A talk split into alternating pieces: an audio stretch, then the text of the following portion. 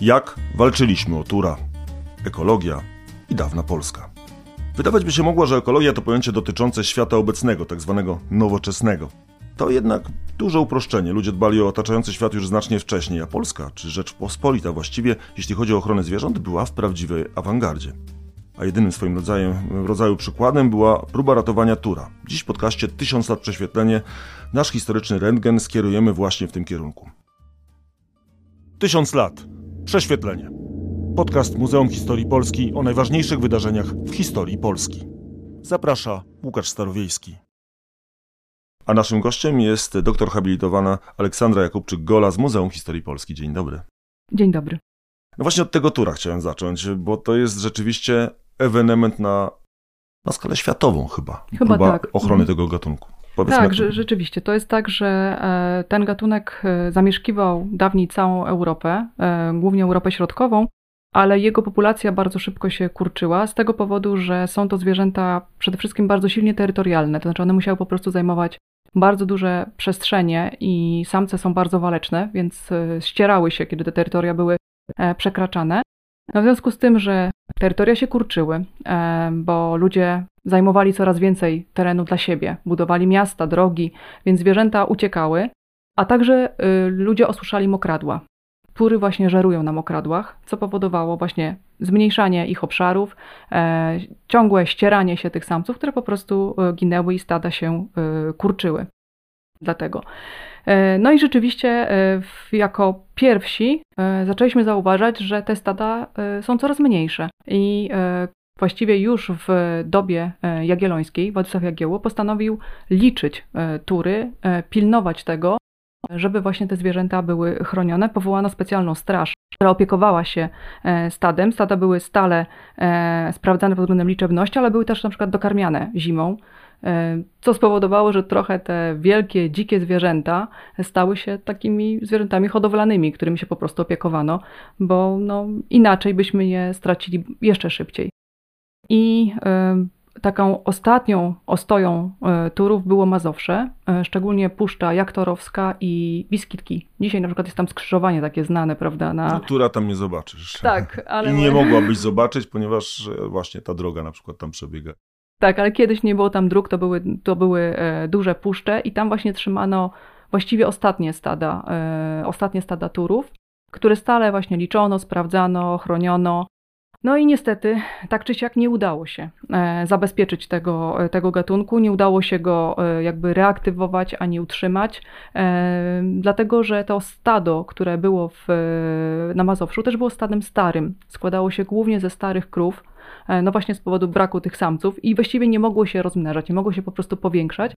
A też ten chów wsobny, to znaczy to, że tak naprawdę oni nie tylko krzyżowały e, materiał genetyczny same ze sobą, spowodował, że te zwierzęta po prostu chorowały, ginęły. Ostatni tur, który padł, a właściwie była to samica, zginął w 1627 roku. E, No i jak głosi legenda, w, w Livrustkamaren, czyli w królewskiej zbrojowni w, w Sztokholmie, przechowywany jest e, róg myśliwski Zygmunta III Wazy, który prawdopodobnie pochodził z tej turzycy, no albo w każdym razie z jednego z ostatnich e, turów z tego stada. Tam zresztą było mm, bardzo dużo e, fajnych historii związanych właśnie z tym hodowaniem tura, czy ochranianiem tura. Mhm.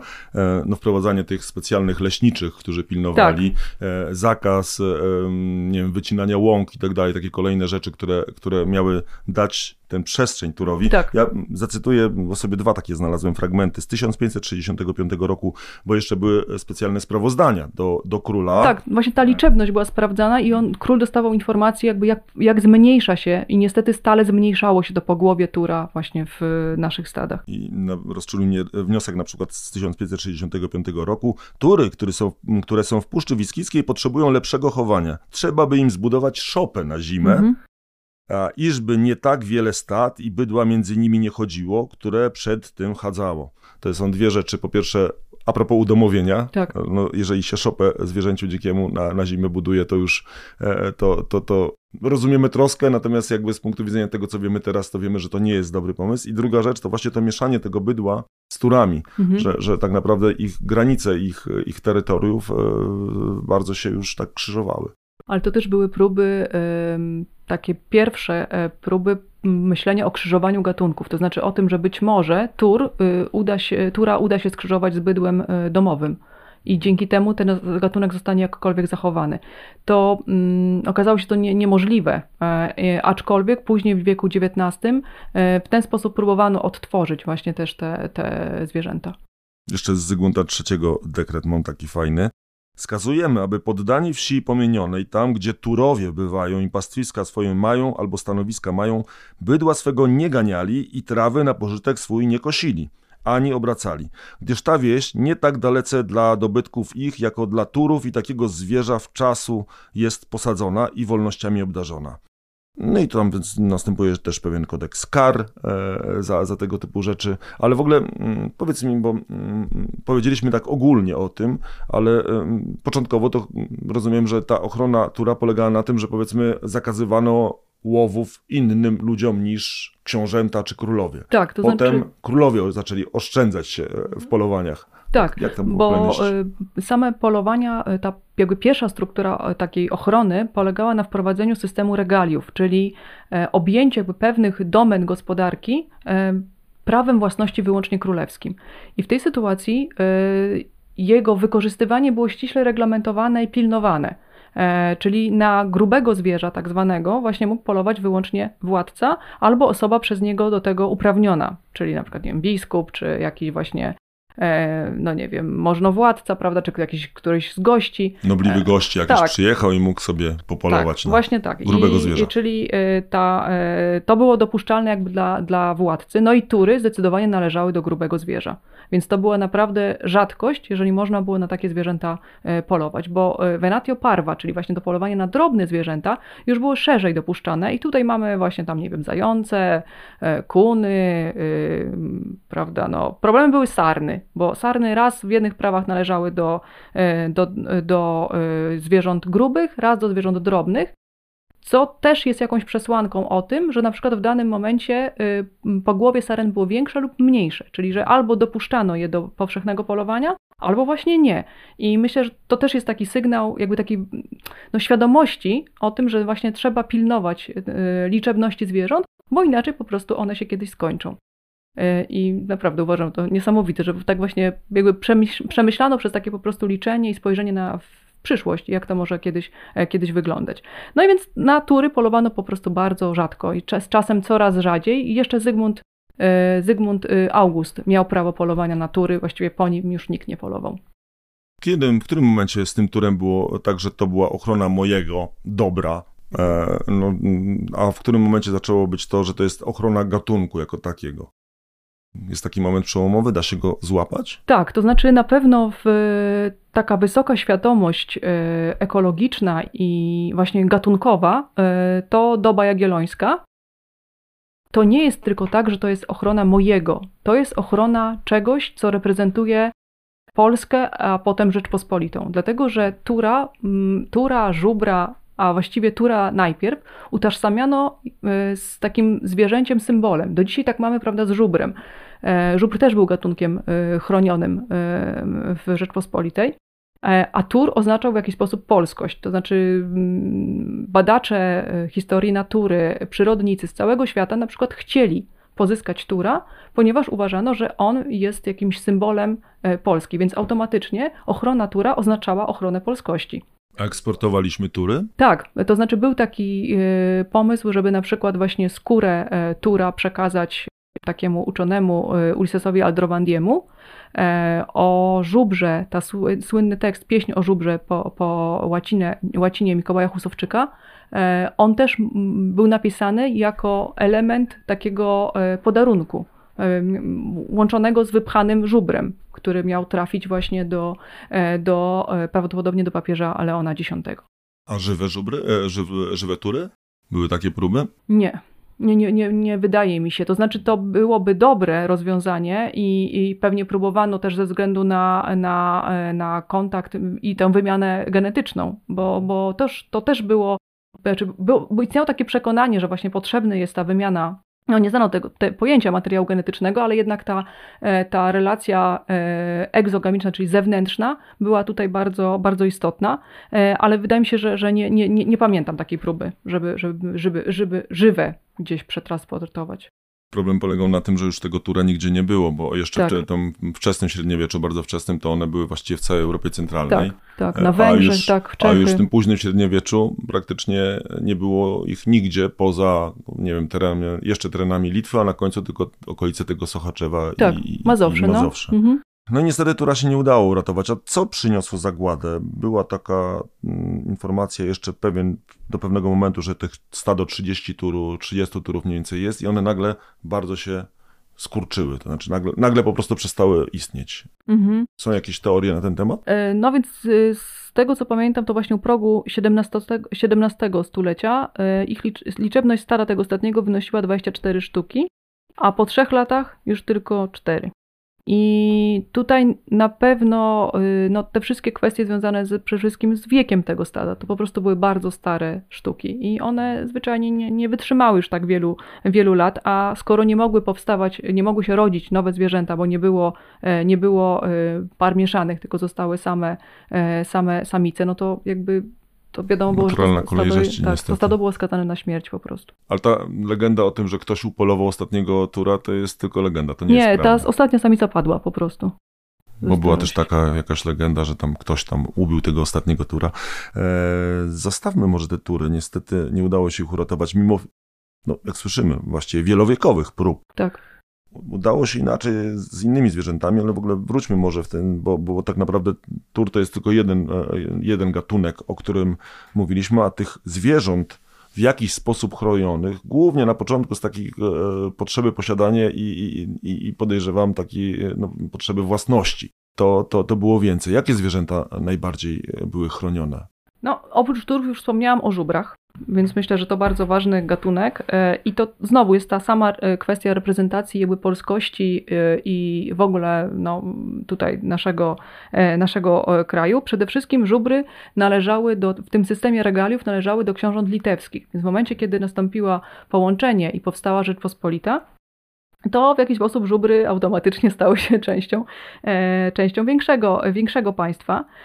I już jakby w statutach litewskich, e, w, takich, w takim zbiorze praw, który dotyczył właśnie właściwie w- no, wszelkich systemów, e, systemów normatywnych całego państwa, pojawiały się informacje o, e, o zabezpieczeniu żubrów i no, Zygmunt August ogłosił prawo kary śmierci za zabicie żubra. Także to było naprawdę bardzo poważne przestępstwo. E, I nie wolno było tego robić. E, Z żubrami się udało, to znaczy ta liczebność stad też się zmniejszała i kolejni władcy, no, na przykład Władysław IV wprowadził ścisłą ochronę e, żubrów i w ogóle lasów. Już wtedy zabraniano na przykład polowań w Puszczy Białowieskiej, która od dawna była ostoją, ostoją żubrów. Ale zabroniono komukolwiek, nawet król nie mógł. Właściwie tak, to znaczy król zawsze mógł, skoro to Mhm. było jego regalium, to znaczy on zawsze mógł z tego skorzystać. To, była je, to było jego prawo. Było kilka takich Mhm. obszarów, z których, e, e, których władca zawsze mógł skorzystać. Ale rzeczywiście no, nie korzystał za często. Żubry, no, jeżeli to miał być prezent dla papieża, no to owszem, tak, to wiadomo było, że takiego żubra można ubić i, i to, jest, y, to jest jakby jest cel, jest sens e, takiej śmierci. Natomiast tak naprawdę już dla, e, dla samych siebie nie, nie, nie wydaje mi się i nie pamiętam, żeby któryś z władców już później po prostu polował na te A, zwierzęta. Powiedziałeś, że został, e, znaczy, że, że, że było to zagrożone karą śmierci nawet, Tak. te, te zabicie żubra. A czy zdarzyło się wykonanie takiego wyroku? Nie czy wiem, nie, nie gdzieś tam- znalazłam takiej informacji. Podejrzewam, że, że, że, że, że trudno by było pewnie Też tak znaleźć mi w się wydaje, że trudno by było, trudno by było też w ogóle udowodnić coś takiego. To raczej ma, miało to działać jako przestroga i, i, i no, sposób zabezpieczenia tych zwierząt w takiej w takiej mierze, no, że może ktoś się zastanowi, prawda? Skoro jest takie prawo, to jednak. No, No, może sobie upoluje jednak. tak, właśnie, prawda? To sarna, zając, czy zajmę się właśnie, nie wiem, ptactwem i, i jakby nie będzie z tym takiego problemu. Bo myślę, że łatwo byłoby znaleźć. To tego najgrubszego zwierza mamy za sobą, bo i tura, i żubra, ale Tak. to nie są jedyne zwierzęta, które były chronione. To prawda, bardzo e, też opiekowano się e, bobrami e, i pierwszym, który już dbał o bobry był Bolesław Chrobry. I on, Nawet się rymuje. Wiem, tak, to prawda. Chrobry i bobry, więc około tysięcznego roku już Chrobry wprowadza zabezpieczenie bobrów i też czyni z nich swoje regalium, znaczy regalium królewskie. E, Pewnie dlaczego bobry? To ciekawe i dziwne, e, bo bobry były zwierzętami bardzo cenionymi w średniowieczu z kilku powodów. To znaczy, po pierwsze, tłuszcz bobrzy e, był, miał do, bardzo, bardzo ważne zastosowanie w medycynie w owym czasie. Poza tym bobry uważano za zwierzęta postne, ze względu na to, że pływają w wodzie i mają ogon pokryty łuską, a zatem można było je na przykład spożywać w piątek. E, Z bobrzego futra, e, bobrze futro było bardzo cenne e, i posiadanie czapki lub no już kołnierza, na przykład w Delhi, takim, takim płaszczu z właśnie ozdobnym, wyłożonym kołnierzem z bobrzego futra, no to oznaczało, że tak naprawdę jest się bardzo majętnym człowiekiem. No i najważniejszy element to bobrze jądra. Otóż bobrze jądra uważano za absolutne panaceum, czyli lek właściwie na wszystko i dlatego yy, biedne bobry były ich często pozbawiane. I dlatego bobry były, no właśnie król starał się je zabezpieczać, yy, nie wolno było na nie polować. Co więcej, trzeba było, jeżeli się było gospodarzem bobra, tak zupełnie niechcący, czyli na przykład na naszych ziemiach bobry założyło żeremię, to trzeba było o nie na tyle dbać, żeby one się nie wyniosły. Właśnie to było prawie trochę niesprawiedliwe, prawda? Trochę, jak sobie tak. pomyślałem, bo przecież bóbr, e, jak każde zwierzę, jak mu się znudzi mieszkanie, bo mu nie będzie pasowało, to się Tak. wyprowadzi. A karany był gospodarz. Tak, karany był gospodarczy niestety bardzo wysoko, dlatego że ta kara wynosiła równowartość yy, w owym czasie yy, 60 par butów. Mhm. A weź zatrzymaj bobra, jak on Tak. nie chce. Tak, także no z bobrami rzeczywiście to było tak, że trzeba było po prostu o nie dbać, o, o żeremię, dostarczać yy, pokarm. Wo- wiadomo, że na przykład woda musiała być bardzo czysta, więc to też były wszystkie jakby takie ważne, ważne elementy dla jakby dobrostanu tych zwierząt. I te bobry, e, rzeczywiście to mm, da się prześledzić, że, że, że, że ta ochrona im pomogła. Tak, tak, no bo... Bo one też były w którymś momencie bardzo bliskie wyginięcia, Tak. przynajmniej na naszych ziemiach. Tak, to prawda. I właśnie dlatego wydaje mi się, że jednak ta, mimo stałego zmniejszania się, ta liczebność była kontrolowana. I Mhm. dzięki temu udało się tego bobra utrzymać, chociaż faktycznie, tak jak mówisz, po prostu w pewnym momencie było ich bardzo, A liczono bardzo. bobry? Yy, Tury liczono, ale to tury łatwiej. liczono, I ale... duże, i mało. Tak, a poza tym były w zasadzie zwierzętami hodowlanymi, więc pamiętajmy, Mhm. że skoro była specjalna straż, płoty, prawda, i, i miejsca po to, że na zwierzyńcach, gdzie, gdzie można było trzymać te tury, no to z bobrem było trudniej, e, ale faktycznie pilnowano przynajmniej żeremi, czyli, czyli można było sprawdzić, ile tych mieszkań bobrów jeszcze zostało. Mamy tu jeszcze jakieś zwierzęta, o Mamy. których warto powiedzieć? Warto powiedzieć o pszczołach, dlatego że pszczoły też były takim gatunkiem bardzo chronionym. I bo miód również należał do systemu regaliów.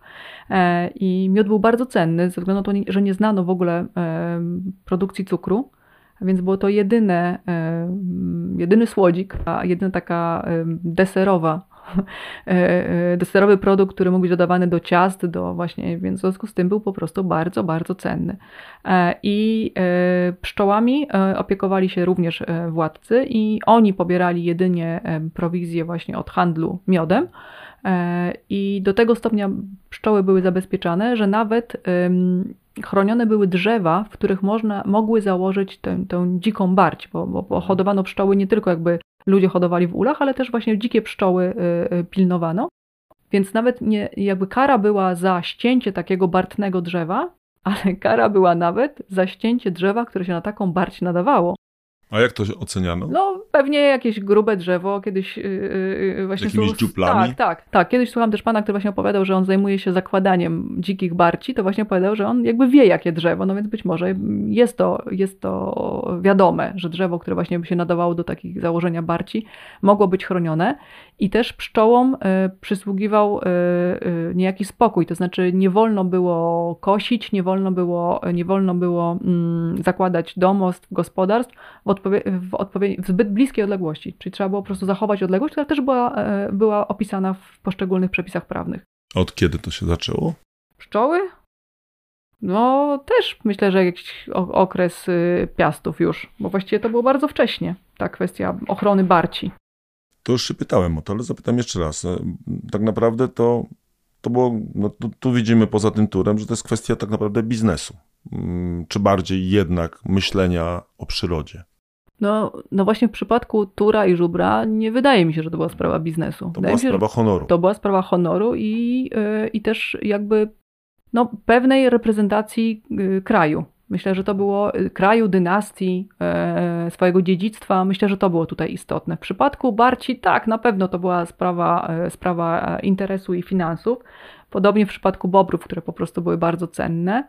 Ale no, wydaje mi się, że interes interesem, ale to też wymagało pewnego przemyślenia tej sprawy i świadomość tego, że jeżeli ja na przykład wykorzystam wszystko, całe dobro, przecież jestem królem, mogę to zrobić, to tak naprawdę nie będzie dla następnych pokoleń. Czyli nikt nie, nie pomyśli o tym, że no, są kolejne pokolenia, a jednak u nas myślano o tym, że, że jest potrzeba tego, żeby coś zachować dla, dla tych, którzy przyjdą, przyjdą po nas. Zresztą nie tylko, nie tylko zwierzętami się opiekowano, bo we wszystkich prawach już od y, Kazimierza Wielkiego na przykład za ścięcie drzewa była kara. To znaczy była kara pozbawienia siekiery, która nie była produktem tanim i łatwo dostępnym, była żelazna, więc, y, więc no, pozyskanie siekiery było trudne. A żadnego drzewa nie można było? Nie można było ściąć drzewa, które na przykład się znalazło nie na twojej własności. Czyli ktoś, co należało do sąsiada i, i on na przykład nie chce tego ściąć i to też było pewne zabezpieczenie właśnie drzew przed, e, przed wycinką.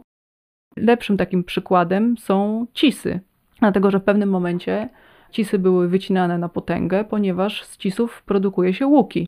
To są najlepsze, najlepsze łuki i właśnie Jagiełło jako pierwszy wprowadza zapis e, w ogóle zakazu e, e, ścinania cisów i za ścięcie cisu groziła nie utrata siekiery, a utrata ręki. Ciekawi mnie taka kwestia, bo przepisy można wydawać. Pytanie, jak je można egzekwować? Czy to w ogóle, czy widzimy, jak je egzekwowano gdzieś w jakichś źródłach, dokumentach? To jest bardzo trudne. To znaczy w ogóle y, mówienie o recepcji prawa jest bardzo skomplikowaną sprawą, dlatego że tak naprawdę y, można mieć świadomość, że, y, że właśnie przepis powstaje dlatego, że zauważa się taką praktykę. To znaczy zauważa się ich wycinanie, zauważa się zmniejszanie na przykład tych, tych całych rzędów, tych krzewów, prawda, jest ich coraz mniej i mniej, więc jakby jest konieczny taki przepis i konieczne jest postawienie, nie wiem, strażników, prawda, i no, Tutaj trudno mi powiedzieć, to znaczy nie, nie mam żadnych yy, świadectw tego, że rzeczywiście tak się działo, że ktoś stracił rękę z powodu ścięcia cizów. Myślę, że trzeba by przejrzeć po prostu yy, jakieś yy, zapisy z sądów, y, żeby, żeby, to, żeby to posprawdzać. No inaczej rzecz jest prawda, z, z turami, kiedy widzimy ten proces. On jest bardzo szczegółowo opracowany i widać właściwie co roku te, tak jak tutaj były cytowane, fragmenty właśnie sprawozdań z konkretnych liczeń i, e, i, i sytuacji e, turów, no to tutaj no, trudno powiedzieć. Ta, ta ochrona na pewno miała zupełnie inny wymiar. No ale z turem to jest trochę tak, jakbyś próbowało polować tura, to jest trochę jak napad na bank. W sensie, tak, to, tak. No bo to trzeba ominąć strażę, wszyscy wiedzą, że zniknął ten jeden tur, no ale z takim bobrem jest już zupełnie inaczej. To jest trochę jak z drobną kradzieżą. E, i pewnie, e, pewnie dużo łatwiej było ukryć gdzieś tam w lesie, znaleźć e, mhm. takie bobry i taki czarny rynek pewnie istniał. Na pewno. Na pewno, na pewno dlatego, że to było zbyt wartościowe, zbyt cenne i na pewno tak, tak było. W tym temacie jeszcze się mieści pytanie o dbanie o zwierzęta hodowlane i, i, i takiego pojęcia, ty to nazwałaś, czy napisałaś mi welfare, czyli dobrostan. Mhm. Czemu?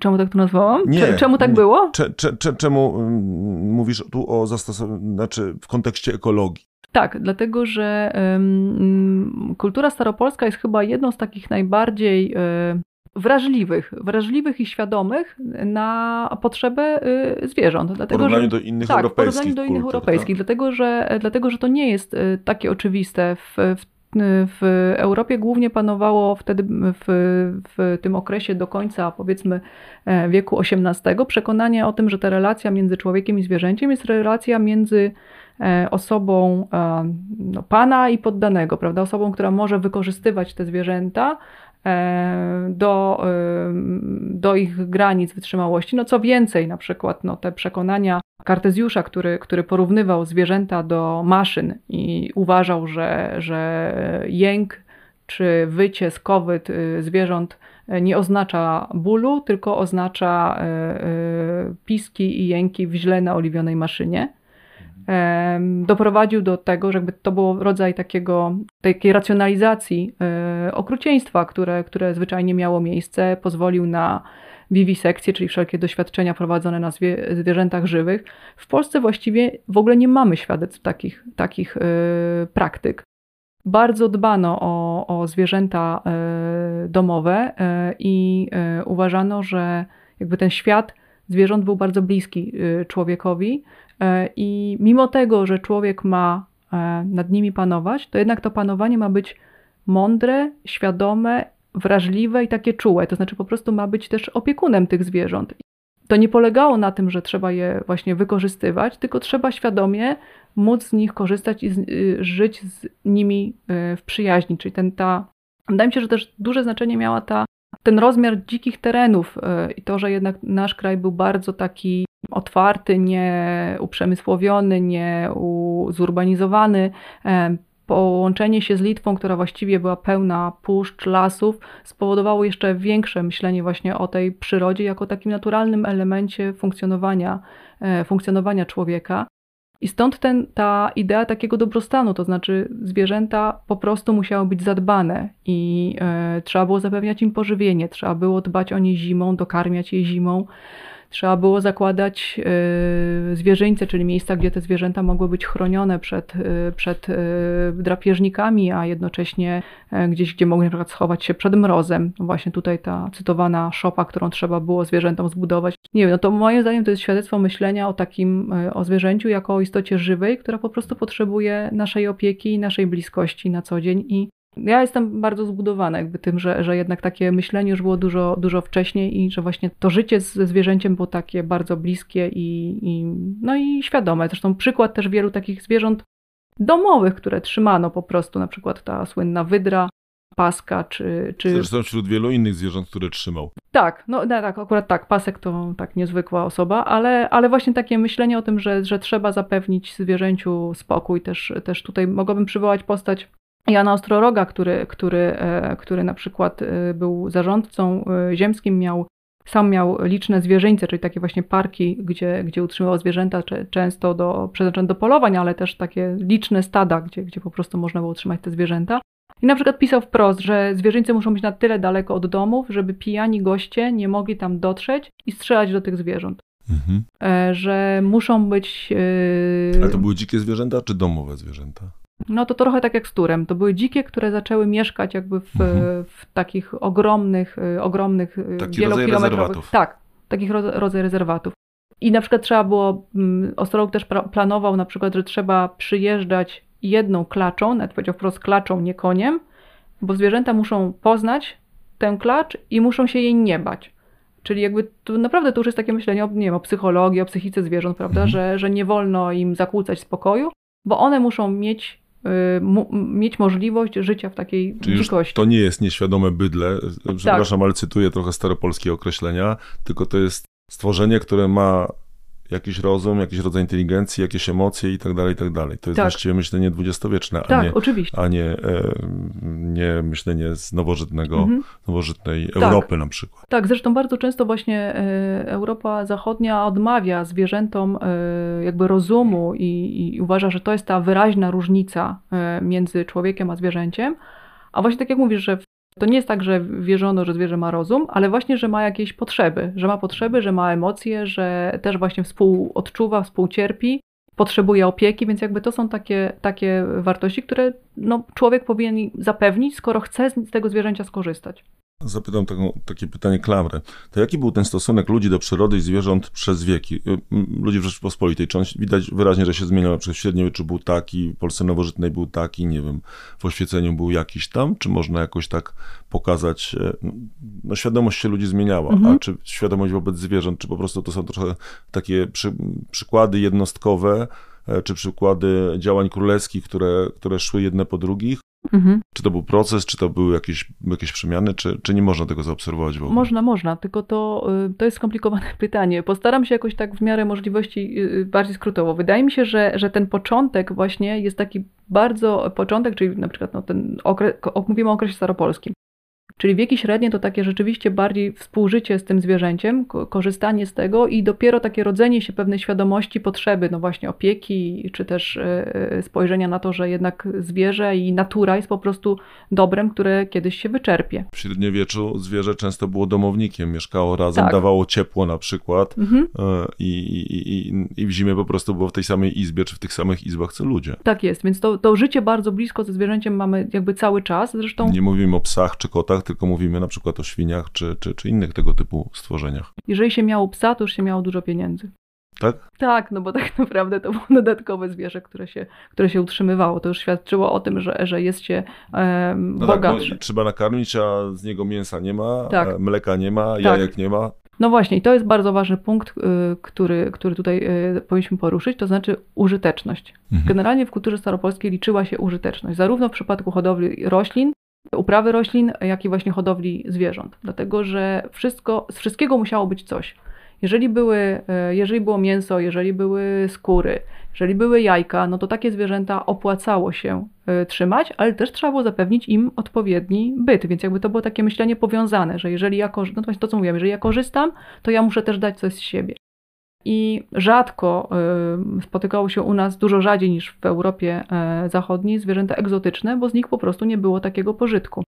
One służyły głównie jakimś celom estetycznym, ozdobnym, czy też po prostu były elementem jakiejś kolekcji, natomiast zwierzęta domowe były po prostu potrzebne na co dzień. Czyli te egzotyczne były rzadsze, bo, bo ten element praktyczny był jakby bardzo ważny, to potem z czasem y, zmienia się to podejście, to znaczy z tego praktycznego zaczyna powoli, zresztą w całej Europie też w podobnym momencie, to jest koniec XVII, e, początek XVIII wieku, kiedy zaczyna się takie podejście bardziej naukowe do zwierząt. I wtedy e, pojawia się potrzeba ich podglądania, e, zrozumienia ich zwyczajów, potrzeba systematyki, czyli opisu właściwego gatunków. To nie tak, że jakby wcześniej tego nie było, że, że na przykład Sobieski, kiedy pisał, że jedzie do swojego zwierzyńca, on tam nie jechał po to, żeby te zwierzęta na przykład zabijać, bo miał od tego ludzi, było potrzebne, ale on jechał po to, żeby na przykład je oglądać. Mhm. Bo zwierzęta były ładne, bo chciał zobaczyć, jak one piją, chciał zobaczyć, jak one się przechadzają. I jakby to było takie naturalne, że właśnie zwierzęta stanowią też pewną ozdobę, ozdobę świata, więc jakby też były, też były takim elementem bardzo estetycznym, który no, budził odpowiednie emocje, właśnie uspokajał, prawda, ten, no więc ten, ten krajobraz taki właśnie przyjemny, e, e, wiejski był bardzo, bardzo akceptowany, a za to na przykład obawiano się gór, i w ogóle takich dzikich przestrzeni. To zawsze było, to zawsze było straszne. Więc ten element taki naukowy na przełomie XVII-XVIII wieku spowodował pewną zmianę w pojmowaniu zwierząt. One stały się właściwie obiektami badawczymi. I z czasem to doprowadziło do powstania ogrodów zoologicznych. I tu postawimy kropkę. Naszym gościem w dzisiejszym podcaście, oprowadzającym nas po ekologicznych zachowaniach Polaków i, i mieszkańców Rzeczpospolitej, była doktor habilitowana Aleksandra Jakubczyk-Gola z Muzeum Historii Polski. Dziękuję. Bardzo dziękuję. Tysiąc lat. Prześwietlenie. Podcast Muzeum Historii Polski o najważniejszych wydarzeniach w historii Polski. Podcastów Tysiąc lat prześwietlenie wysłuchasz na YouTube, Spotify, Google Podcast, Audiotece, a także na innych platformach podcastowych. Chcesz być na bieżąco? Subskrybuj kanał Muzeum Historii Polski.